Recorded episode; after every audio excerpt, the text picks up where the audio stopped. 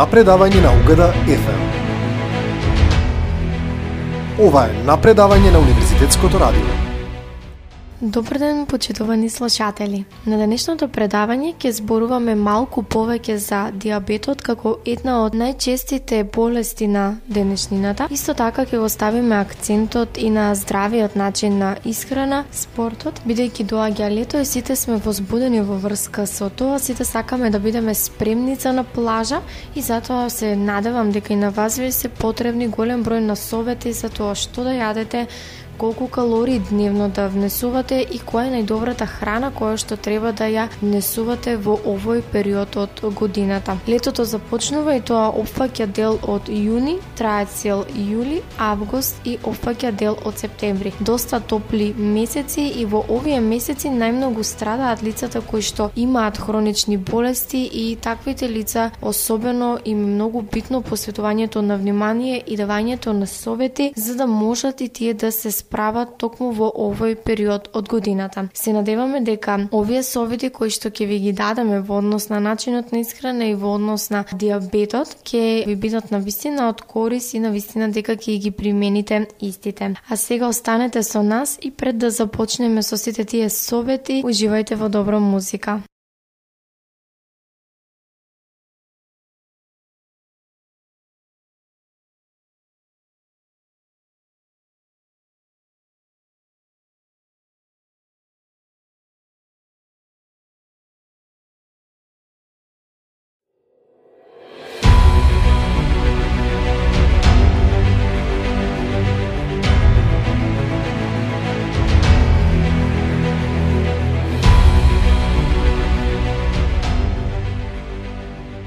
Сега се враќаме назад и ќе зборуваме малку повеќе во однос на диабетот. Дали сте знаеле дека повеќе од 80% од смртните случаеви се случуваат во земјите со низок и среден приход?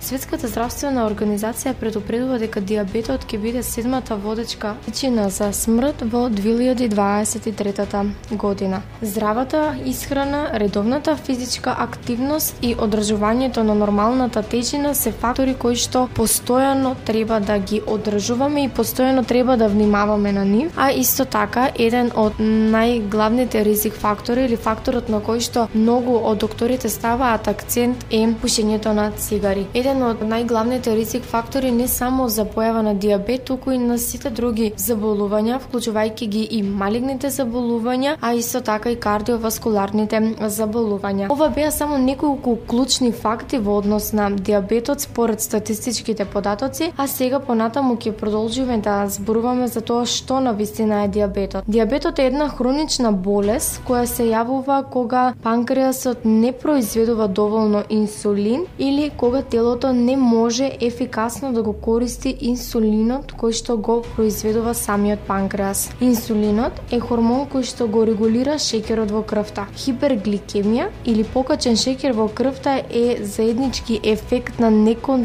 раниот диабет и со текот на времето доведува до едно потешко и сериозно оштетување на голем број на органи од сите системи во телото, особено на нервите и на крвните садови. Диабетот или шеќерната болест се дели на диабет тип 1 и диабет тип 2. За диабет тип 1 карактеристично е тоа што уште се нарекува и како инсулин зависен или детски шеќер во крвта. Шеќер во детството најчесто се јавува кај помалите деца, тинеџери или млади луѓе и станува збор за диабет кој што настанува како резултат на тоа што панкреасот лачи многу малку или воопшто не лачи инсулин. Диабет тип 2 е инсулински независен диабет и тоа е диабет кој што најчесто ги инволвира возрастните. Во последните години се јавува и кај тинеџерите и кај младите лица поради прекумерно зголемување на телесната тежина. Токму и затоа постојано велиме дека треба да се внимава на здравата исхрана, на телесната тежина и на физичката активност, затоа што за жал се почесто младите кои што не внимаваат се засегнати од од овој тип на диабет. Исто така,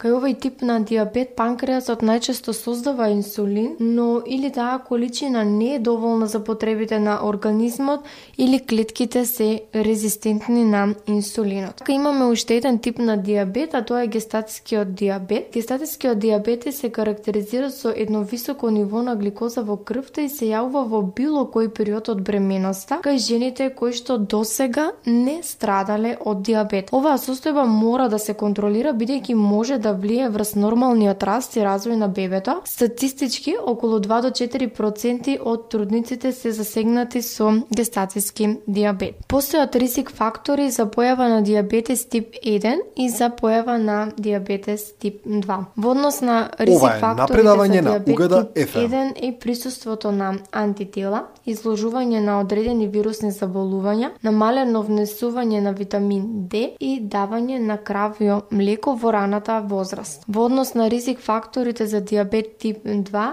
е прекумирната телесна тежина, намалената физичка активност, гестатискиот диабет во предходната временост, синдромот на полицистични јајници, високиот крвен притисок, високото ниво на холестерол и на триглицериди во крвта. Кога станува збор за гестатискиот диабет, од него најмногу страдаат жените кои што се повеќе од 25 години, кои што имале гестатиски диабет во предходната бременост, кои што раѓаат бебе со голема родилна тежина, мртво родено бебе од непознати причини, прекумерна телесна тежина и големо зголемување на тежината во текот на бременоста. Иако успеавме на кратко да ги дефинираме диабетот тип 1 и 2 и кои се ризик факторите за истите, на кои што постојано ќе апелираме да ги одбегнувате или да внимавате на истите, да се научите да ги контролирате истите, сепак не смееме да забораваме да ги објасниме и симптомите со кои што се соочуваат пациентите кои што имаат диабет, затоа што знаејќи ги овие симптоми може би и ќе препознаете дел од нив кај себе, па веднаш ќе можете да се консултирате со вашиот доктор за навремено спречување и развивање на диабетот. Станува збор за зголемено чувство на жед. Лицата кои што имаат диабет се постојано жедни и постојано бараат вода,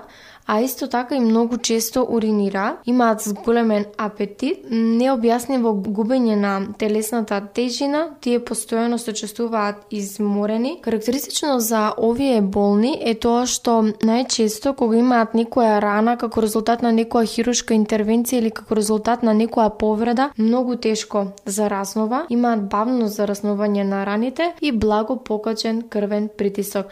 Исто така, овие пациенти многу често страдаат од од некои многу чести инфекции, како што се инфекциите на непцето, на кожата, кај жените најмногу страдаат гениталните органи, кај овие пациенти исто така имаме присуство и на кетони во урината. Кетоните се пропратни продукти или крајни продукти како резултат на разложувањето на мускулите и масното ткиво поради настаток на инсулин. Ова се дел од симптомите со кои што се соочуваат пациентите кои што имаат диабет и за жал доколку не се третираат пациентите со диабет многу често завршуваат и со компликации од истиот. Компликациите на диабетот се развиваат многу постепено и истите се делат на акутни диабетични компликации и на хронични диабетични компликации. Акутните диабетични компликации вклучуваат диабетична кетоацидоза, хиперосмоларна хипергликемиска состојба и хипогликемија поради третман, а додека хроничните диабетични компликации можат да бидат микроваскуларни компликации и макроваскуларни компликации.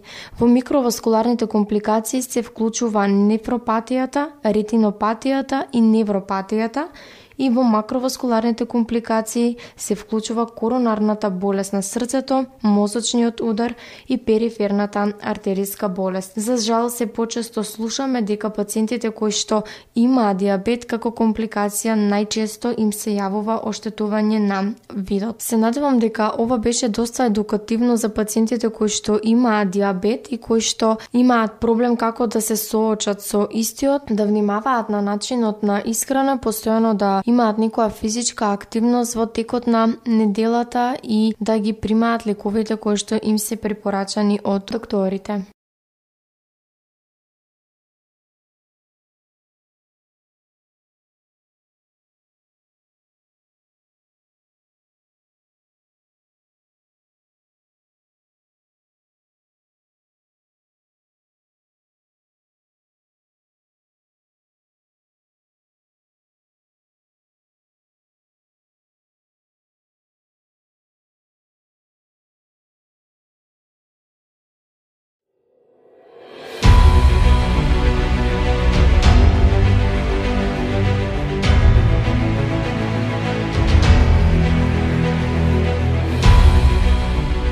Постојано зборувавме за диабетот и многу е важно да напоменеме дека диабетот не е само болест која што ги зафаќа лицата кои што живеат во средини со низок или среден стандард. Станува збор за болест која што се јавува кај било кој или може да се јави кај било кој, подобро кажано, па така не се поштедени ниту славните личности затоа што и тие водат битка со диабетот. Диабетот не е болест која што е опасна по животот и таа доколку се третира на правилен начин со лекарска помош, со здрава исхрана и со редовно вежбање, истата може да се стави под контрола, па така да може пациентите да имаат нормален живот. Од познатите личности Хали Бери за време на снимањето на филм на почетокот на незината кариера, во неизините рани 20 години, паднала во кома во која што не можело да се разбуди дури и со денови. Тогаш дознала дека има диабет од прв степен кој што е неизлечлив. Овој тип на диабет кажавме веќе дека забранува било какви преработени шекери или јаглехидрати во исхраната. Актерката вели дека од тогаш па понаваму го има сменето комплетно начинот на живот и дека е на строга диета и успева да се справи никако со болеста. Познатиот светски актер или Том Хинис исто така за прв пат 2013 година се соочил со диабетот. Тој има изјавено дека на почетокот ги одбегнувал непосакуваните симптоми и মাছ নিয়ে নিই и не сакал да се помири со фактот дека има диабет. Но кога состојбата се повеќе и повеќе му се влошувала затоа што нели ние кажавме дека е многу потребно да се внимава на физичката активност, на начинот на исхрана и на третирањето на диабетот за да може луѓето да си го стават животот под контрола, па така и Том кога се освестил на крајот дека нема друг избор освен целосно да го промени начинот на живот во однос на исхраната и во однос на другите секојдневни науки, од тогаш тој вели дека добива повеќе и прифаќа повеќе улоги за кои што треба да ја минува својата килажа. Досега зборувавме за Том и Хали за кои што кажавме дека имаат диабет тип 1 или диабет тип 2. Една славна личност, Салма Хајак, вели дека таа заболела од гестатскиот диабет и тоа за време на бременоста со незината керка Валентина. Овој тип на диабет, како што кажавме и предходно, е со многу полесна форма од другите и не бара толку многу строга исхрана, но сепак и тој додека доколку не се третира правилно, подоцна може да помине во диабетот втор степен, кој што кажавме дека е многу поопасен и поризичен. Ник Джонс, најмалиот од браќата на Джонс, Ник бил диагностициран со диабетот прв степен на само 13 години. Минатата година пејачот на Инстаграм објави пост во кој што напише дека ова искуство го натерало да води здрав начин на живот, да внимава на исхраната и редовно да вежба, а исто така и да прави постојана контрола на шеќерот во крвта. До тогаш не ни правел редовно. Тој исто така напише и дека е поздрав од било кога во животот. Секогаш се додека не ни се случи нешто лошо во животот, ние немаме навика да внимаваме ниту на исхраната, ниту на нашата физичка активност. За жал и затоа апелираме денес во оваа емисија да водите здрав начин на живот, да се храните правилно, да конзумирате многу вода и личности, особено во летниот период од животот, за да не се соочите со некој од овие болести кои што за жал се почесто и почесто се јавуваат и кај помладата популација.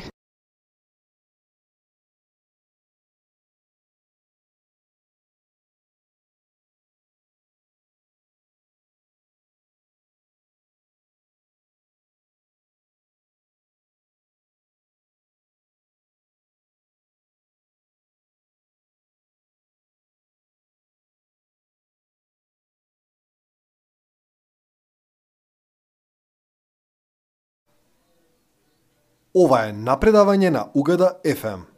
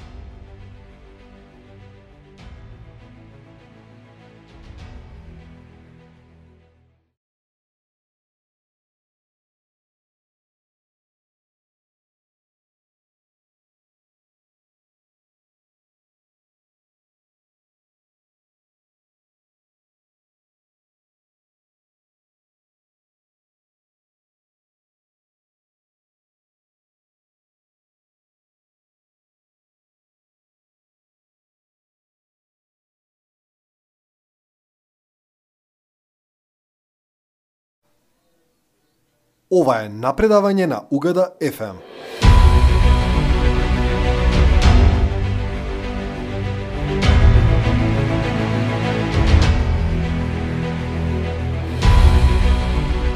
Се надевам дека уживавте во музиката, а сега да го продолжиме предавањето. Најдов една многу интересна информација која што може би ќе им помогне многу на лицата кои што имаат диабет.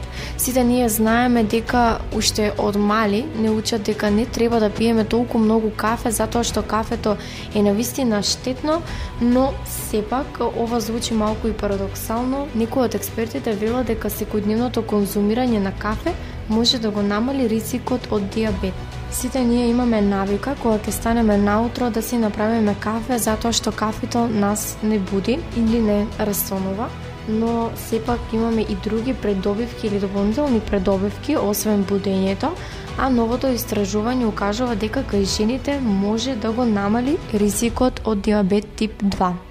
Според студијата која што беше објавена, околу 4522 учесници биле следени во периодот од 1991 година до 2017 година. Проверките се правеле на секој 2 до 4 години за да се разгледаат различните фактори, како што се начинот на живот, исхраната, вклучително и конзумацијата на кафе со кофеин и без кофеин, а исто така и демографијата и болестите кои што придружно си ги имаат. Дополнително биле земени примероци од крв од учесници кои што не биле диабетичари помеѓу периодот од 2012 и 2014 година и биле анализирани за биомаркери на метаболизмот на гликозата. Во текот на студијата е откриено дека 979 од учесниците развиле диабет тип 2, Резултатите исто така покажаа дека редовно конзумирање на кафе со кофеин е поврзано со намален ризик од диабет тип 2. Активната состојка во кафето е кофеинот, кој што е стимуланс, кој што може да ни помогне во намалувањето на нивото на шеќерот во крвта.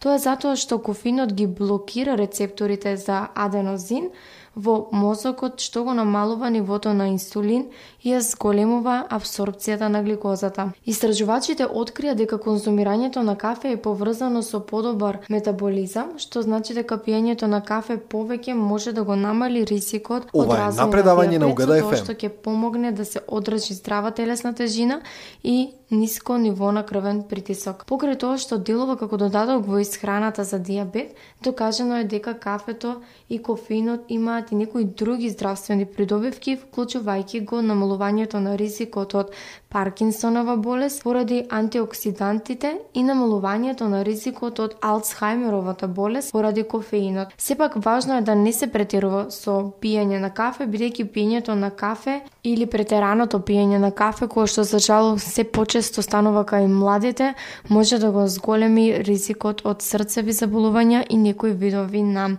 рак. Кафето посебно влијание има кај нас младите затоа што уште од најрана возраст почнуваме да го конзумираме истото и сметаме дека без кафето не би можел да ни започне денот. Сигурно и на вас ви се има случајно да кога не го пиете кафето во текот на денот или кога ќе нема да го започнете денот со вашето прво кафе, се чувствувате поистрпени, нервозни, имате голем проблем со концентрацијата и имате понекогаш и јака главоболка, но сепак тоа поминува за неколку денови штом нашето тело се навикне на новите навики или ги стекне новите навики да не внесуваме кофеин.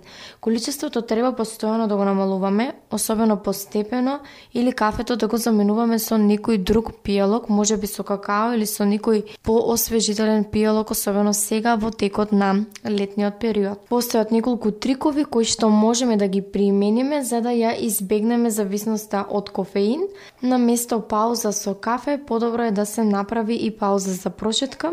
Доколку наутро се чувствуваме по поспано, подобро и поздраво секако е да се направат вежби кои што би траеле околу 10 до 15 минути или така да ги наречеме вежби за расонување, да се ограничиме на една до две чашки кафе на ден, а нокните журки исто така ќе ги поминеме и подобро доколку не пиеме енергетски пијалоци, затоа што вклучувајќи го заедно кафето, тука ќе го вклучиме или ќе го кажеме и енергетскиот пијалок затоа што и тој многу штетно влијае по нашето здравје. Повеќе физичка активност и здрава исхрана со овоќе и зеленчук за еден студент или човек кој што има многу стресна работа ќе направи долгорочно зголемување на енергијата и елан за работа како што би рекле ние и подобро расположение отколку пиењето само на една шолја кафе.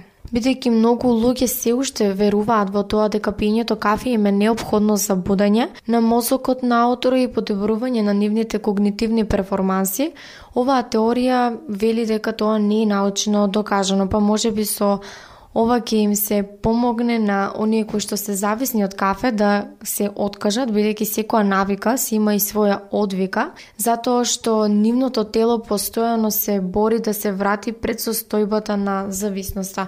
Ова е еден мал апел до луѓето кои што многу често консумираат кафе, а посебно на студентите кои што Верувам дека за време посебно на испитна сесија не прекинуваат да го конзумираат истото, да го заменат со физичка активност, со пиење на некои освежителни сокови или конзумирање на повеќе вода, затоа што водата исто така знаеме дека е необходна и дека многу подобро ќе влијае на нашето здравје. А токму моето предавање денес е за тоа, па затоа би ве советувала да ги послушате моите препораки.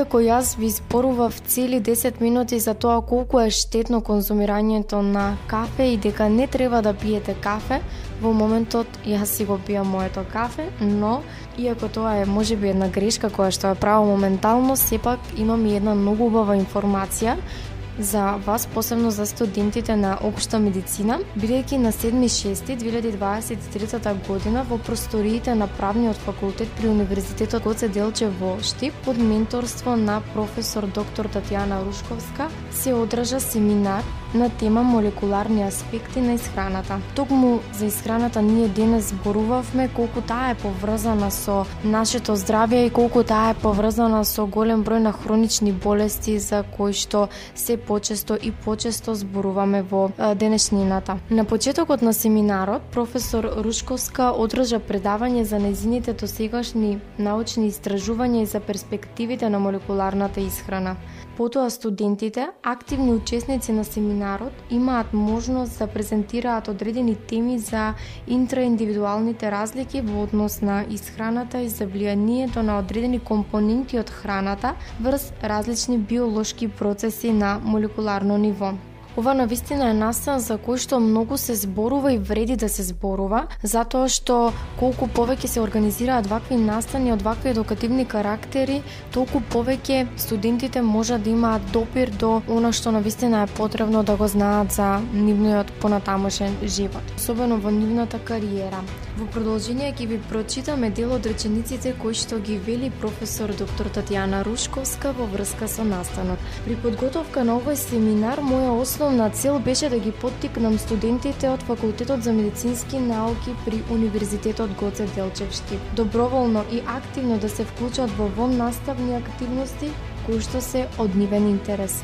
Студентите, активни учесници на семинарот, под моје менторство побараа и селектираа научна литература која што потоа ја користеа за подготовка на своите презентации и на тој начин стекнувајќи се со вештини и искуства кои што верувам дека ќе им користат во иднина. Исто така верувам дека овој семинар ќе им представува потик во животот да можат понатаму да ги остваруваат своите идни иницијативи и уште поголеми успеси. Освен тоа, морам да нагласам и интересот на присутните студенти, дека беше голем, слушатели на семинарот, кои со особено внимание ги следаа сите своји презентации. Ова беа само дел од зборовите на професорката Рушковска, која што беше презадоволна од настанот и на вистина сметам дека треба да се гордее со студентите кои што имаат желба и иницијатива за работа продолжение ќе прочитаме и дел од зборовите на Сара Николова, која што е студент четврта година на Факултетот за медицински науки, општа медицина и која што беше еден од презентерите. Од изучување на влијанието на различни биоактивни компоненти од исхраната врз експресијата на гените, до истражување за улогата на специфичните микронутриенти, макронутриенти и биоактивни компоненти во метаболните процеси и клеточните сигнални патишта Доста бевме во можност од прва рака да бидеме сведоци на моќта на научното истражување во разоткривањето на молекуларните мистерии во исхраната. Вели Сара, која што исто така беше презадоволна од настанот, од незината презентација и од целата организација. Сепак одлучив да направам кратко интервју со председателката на факултетското студентско собрание Ирина Жижова која што исто така активно беше вклучена во процесот на организација на целиот овој настан. Навистина ми е мило и голема благодарност што ја прифати најпрво мојата понуда да бидеш дел од мојата емисија денес. Се надевам дека ќе успееш да ги споделиш твоите искуства за настанот, колку беше напорно да се направи еден ваков настан, затоа што станува збор за настан кој што, колку што знам, јас се спремаше подолго време. Кои ви се вашите идеи или идни замисли за во иднина, колку време ви беше потребно да го спремате овој настан, дали имавте постојано седници, состаноци со професорката, колку членови беа вклучени во организација на овој настан и се друго што ќе ги интересира слушателите. Здраво на сите, јас сум Ирена, председателка на факултетското студентско собрание и минатата да недела ние одржавме семинар на тема молекуларни аспекти на исхраната под менторство на професорката Татјана Рушковска, каде што ние студентите имавме можност да се настапиме, да настапиме со наши истражувања и да ги презентираме пред останатата група на студенти. Целата идеја потекна од проектот на професорката со Македонско-Американската алумни асоциација и при што ова беше продукт на нивното партнерство кој ја го основа. Така се направи повик каде што се вклучивме сите заинтересирани студенти кои се заинтересираа за оваа тема, односно за темата молекуларни аспекти на исхраната. И имавме можност во рок од еден месец, еден и пол месец како се фати да направиме наши истражувања и да ги презентираме. А, имавме пет групи од студенти кои се формираа со секој со различно истражување. Генерално мојата тема на нашата група беше пирамида на исхрана, но некако ние дојдовме до друга идеја, при што подосна темата се промени во полот како интериндивидуални разлики во исхраната. А, имавме неколку состаноци во текот на тој месец со професорката, каде што ја разговаравме за насоки, а, таа не советуваше како правилно да истрашуваме научна литература и како правилно да ја направиме целата таа презентација која всушност ние требаше да ја презентираме на настанот. Освен како презентер, јас се вклучив во настанот и како а, подршка на професорката на незиниот проект, односно како тело на факултетското студентско собрание, заедно со студентски организираната медицинска асоциација се вклучивме да го подржиме целиот настан. Ирина, можеш ли да ни кажеш колку време ви беше потребно за организација на еден ваков настан? Можам да кажам дека настанот активно го организиравме една недела, каде што во текот на таа една или една и пол недела најдовме сала за презентација, потребна техника, имавме и печатени сертификати кои подосна ги дававме за присуство и за презентирање на студентите и а, потоа направивме еден, една промоција на социјалните мрежи за да ги привлечеме студентите и морам да кажам дека имаше на вистина голем интерес, целата сала беше полна. Имаше за вистина голем интерес од студентите кои дојдоа да го посетуваат, кои дојдоа да го слушат семинарот. мислам дека една од причините за таквата голема посетеност е тоа што можеби ова е еден од неколкуте физички настани кои се организираа после пандемијата и онлайн студирањето. Па мислам дека ова беше еве и мотивација на студентите да се вклучат во ваквите во наставни активности.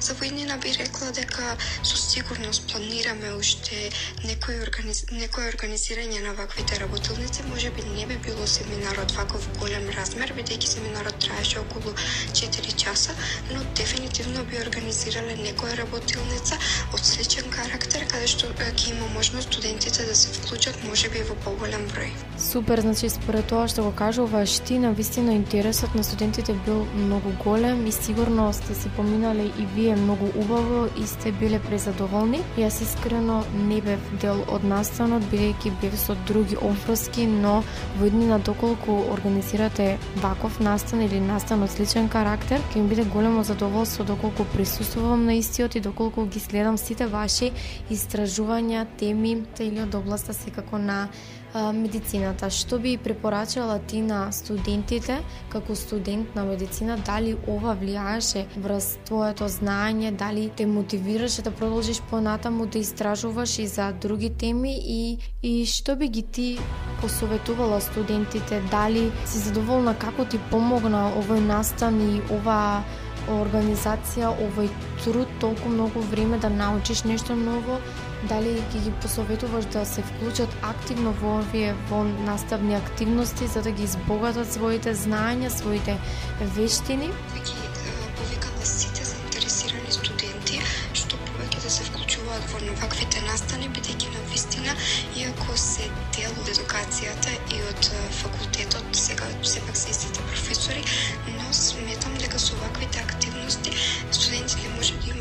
имаат голема полза нивните знаења, стекнување на нови контакти, остварување на еве некоја блискост со професорите која подоцна би им помогнала во остварување на подобар контакт и проширување на нивните знаења, како и целото искуство кое се стекнува од организирање на ваквите настани, сметам дека со сигурност би ни помогнало во иднина и како возрастни и како а, лиценцирани доктори, а, каде што може би во иднина еве кога ќе работиме ќе имаме шанса да организираме нешто вакво.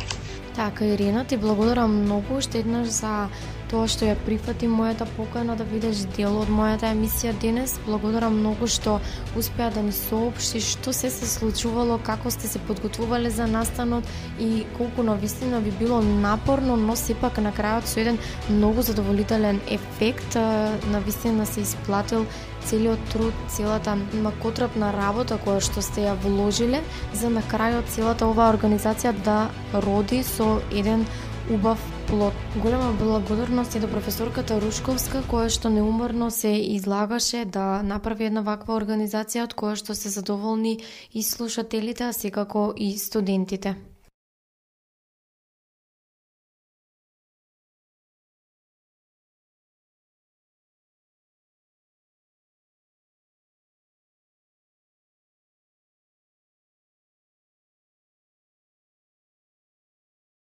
Вие сте на фреквенцијата на 91 МГц и го слушате Универзитетското радио на Угада FM.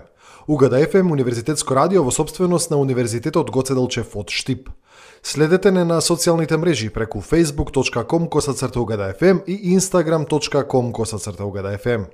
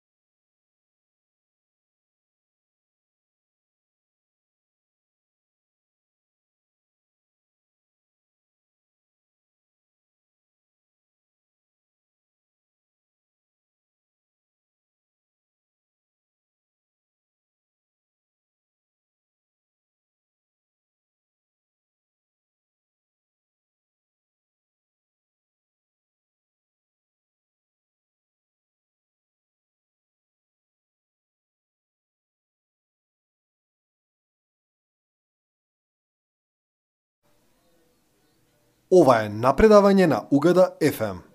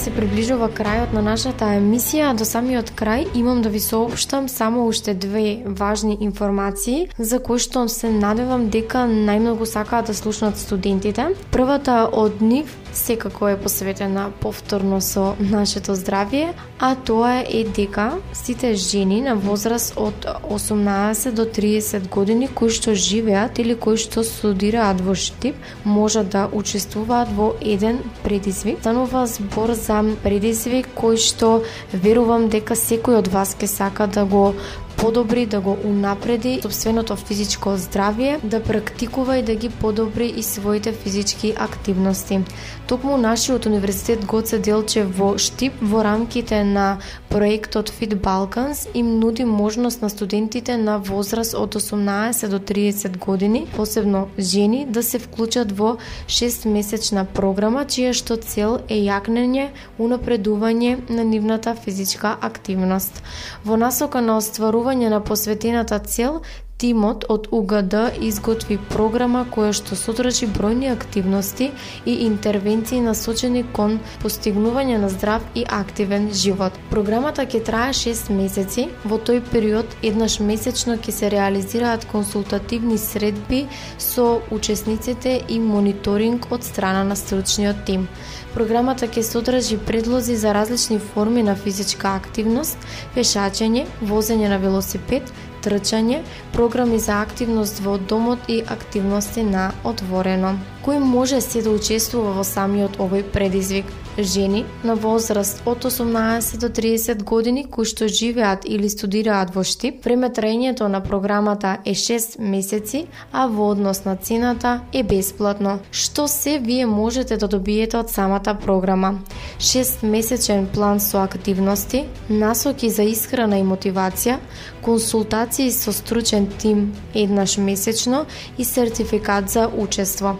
Најбитното од се е доколку сте заинтересирани за овој предизвик да го подполните прашалникот кој што стои во прилог и кој што е објавен и на страната на Универзитетот Гоце Делчев при Штип, а исто така и на страната на Универзитетското студентско собрание. Предизвикот е пред вас и да се соочиме со истиот.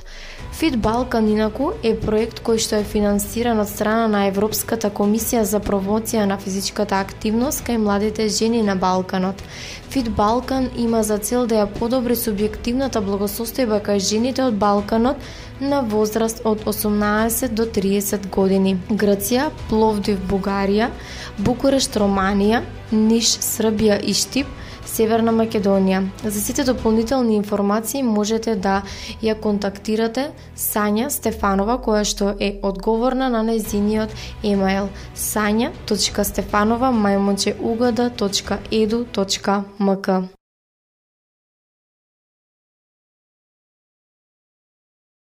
Ова е напредавање на Угада FM.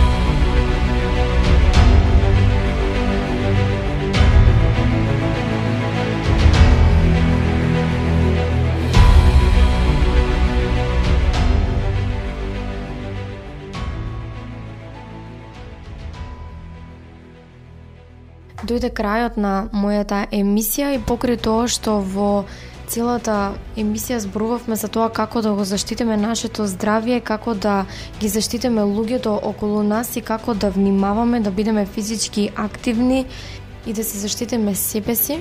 За крај оставив една многу жална информација со која што сакам да ви ја соопштам и за која што верувам дека сигурно веќе сите сте запознати. Станува збор за младиот суперхерој Кристијан кој што има една многу ретка диагноза таксија телеангиектазија Потребни сме му на Кристијан, потребни сме за помош за Кристијан и потребни се средства за негово лекување во Турција. И јас во денешната емисија, иако толку многу зборував за тоа како сите ние да се заштитиме, сега ќе ве замолам со целата ваша помош доколку може да му помогнеме на Кристијан и да донираме средства за Кристијан за да може да го продолжиме неговиот живот. Трансакцијската сметка за донација е следната 2 0 0 0 0 4 0 8 7 5 9 4 9 3 0 Стопанска банка Скопје Катерина Коцева Исто така имаме отворено и броеви за донација на А1 143 471 и на Телеком 143 130. Сите ние, а најмногу Кристијан, ќе ви бидеме благодарни доколку одвоите дел од вашите средства, доколку го одвоите вашето кафе или вашиот ручек надвор денес и доколку ги донирате парите за да може Кристијан да се лекува во Турција. Исто така ќе напоменам дека ќе бидат поставени кутии за донација во повеќе локали во Штип, односно на повеќе локации во Штип. Доколку сакате да се информирате точно за броевите за донација и за трансакцијската сметка во случај да не направите некоја грешка, отворите ги нашите профили на Универзитетското студентско собрание, на Факултетското студентско собрание, таму точно може да ги проверите истите. Уште еднаш, најмногу Кристијан ќе ви биде благодарен доколку донирате, а исто така и ние. Имајте убав остаток од денот, а утре ќе бидете на предавање со Сандра.